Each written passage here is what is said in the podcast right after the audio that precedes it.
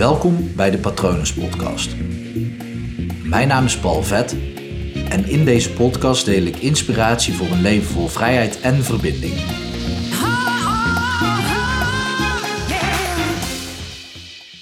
Iedereen maakt wel eens tegenslag mee in zijn leven. En wat er dan heel vaak gebeurt, eigenlijk bijna altijd, is dat je een soort van freest, dat je even stil blijft staan. Want tegenslag is een schok die je even moet verwerken. Dus de freeze stand, die, ja, bij sommige mensen duurt die heel kort en daarna gaan ze of vechten of vluchten. Um, op het moment dat je vaak aan mindfulness doet of uh, ja, veel mediteert of yoga doet bijvoorbeeld, dat soort dingen, er zijn vast nog wel meerdere mogelijkheden, dan kan je er ook even mee zijn met de tegenslag. En met tegenslag kunnen zijn en, en kunnen zitten is altijd heel fijn.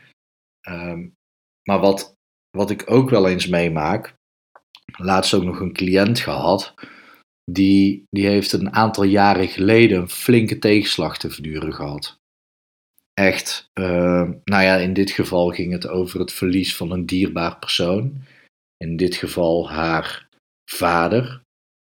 En ja, dat zorgde ervoor dat ze zo paralyzed was, zo verlamd raakte in haar leven, omdat ja, die hele belangrijke persoon, haar vader, in één keer, in één klap uit haar leven werd gerukt. En um, ze was nog niet heel oud. Um, ja, de ene persoon die, die komt op haar of zijn zestiende al los van de ouders. Sommigen al nog eerder. Anderen die blijven tot hun vijftigste aan hun ouders hangen. Maar zij was nog echt papa's kindje. En dat kan soms goed zijn, maar zij was echt papa's kindje waarin zij haar, ja, zichzelf eigenlijk afhankelijk opstelde van haar vader. En opeens werd hij uit haar leven gerukt. En ze had wel een oké band met haar moeder, maar haar vader was haar alles. Dus opeens had ze het gevoel dat gewoon een groot deel van haarzelf ja, dat ze dat kwijtraakte. Dat was gewoon weg. En wat er dan gebeurt is heel interessant. Want overlevingsinstinct zorgt er dan voor dat ze opeens al het andere wat ze om haar heen heeft, gaat vasthouden en gaat aangrijpen om vast te houden, om dat niet ook te verliezen. En dat is heel logisch en dat doen we allemaal. Um, tenminste, dat is onze standaard wiring, uh, bedrading van ons onbewuste om dan het overgebleven vast te gaan houden. Want stel dat, dat, ook allemaal, dat je dat ook allemaal verliest, dan zou je niks meer hebben en is er dus geen veiligheid meer. Dus het is puur uit het creëren van veiligheid dat je dingen gaat vasthouden. En dat is logisch dat je dat in het begin doet. Um, vooral als zoiets onverwachts gebeurt, dan heb je ook geen aanloop, dan kan je ook nog geen, ja, dan vindt er nog geen onthechting plaats. Um, dat is overigens geen gezonde relatie met uh, je ouders, ook niet met een partner of met spullen. Maakt niet uit met wat.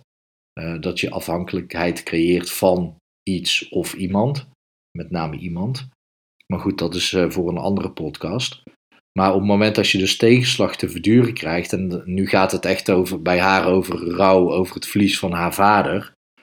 Um, maar zo is rouw erin heel veel verschillende vormen. Dat je echt iets kwijt kan raken door allerlei soorten gebeurtenissen. Die er dus voor zorgen dat je alles om je heen vast gaat grijpen.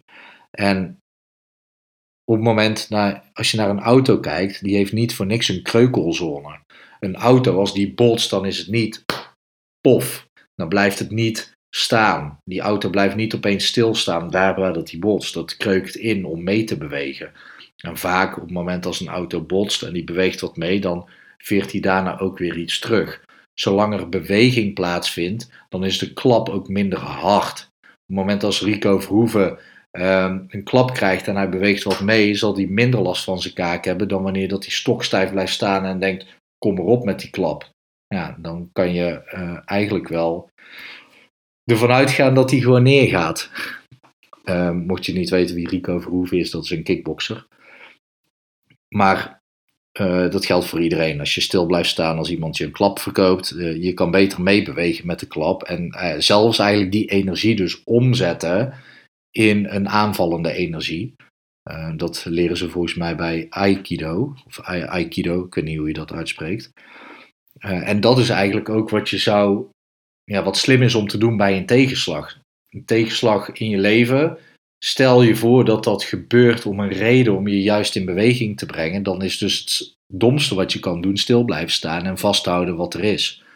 Het is juist handiger om mee te bewegen en dan vooral in die beweging mee te veren en eromheen te bouwen of die energie om te zetten voor een krachtige, daadkrachtige energie om iets in je leven te veranderen. En daar is een tegenslag ook voor bedoeld. Natuurlijk is het kloten als, als je een tegenslag te verduren krijgt. We leven, dus we krijgen te maken met tegenslag. Op het moment dat je er alles aan doet om tegenslag te vermijden, dan ja, dat, dat is gewoon onhandig. Want dan sta je letterlijk stil. Dus elke tegenslag die je dan krijgt, die komt ook drie keer zo hard of misschien al tien keer zo hard aan. En wat dus bij haar gebeurde, is dat ze vanaf dat moment heel erg vast ging houden aan alles wat er op dat moment was. En dat was dus niet zoveel, omdat ze dus een deel van zichzelf kwijt was geraakt. Zo voelde dat, hè. Het is niet zo dat ze uh, een paar ledematen en de, een deel van haar brein of de mindset is kwijtgeraakt, maar zo voelde dat. En zo bleef ze steeds dingen, meer dingen vasthouden, maar de natuur zorgt voor beweging. De natuur gaat vooruit, dus de natuur groeit. Dus als jij op een bepaalde plek in de tijd stil blijft staan en de rest om je heen groeit, dan verlies je stukje bij beetje meer. Dus als je stilstaat, dan blijf je steeds, of dan ga je steeds meer verliezen.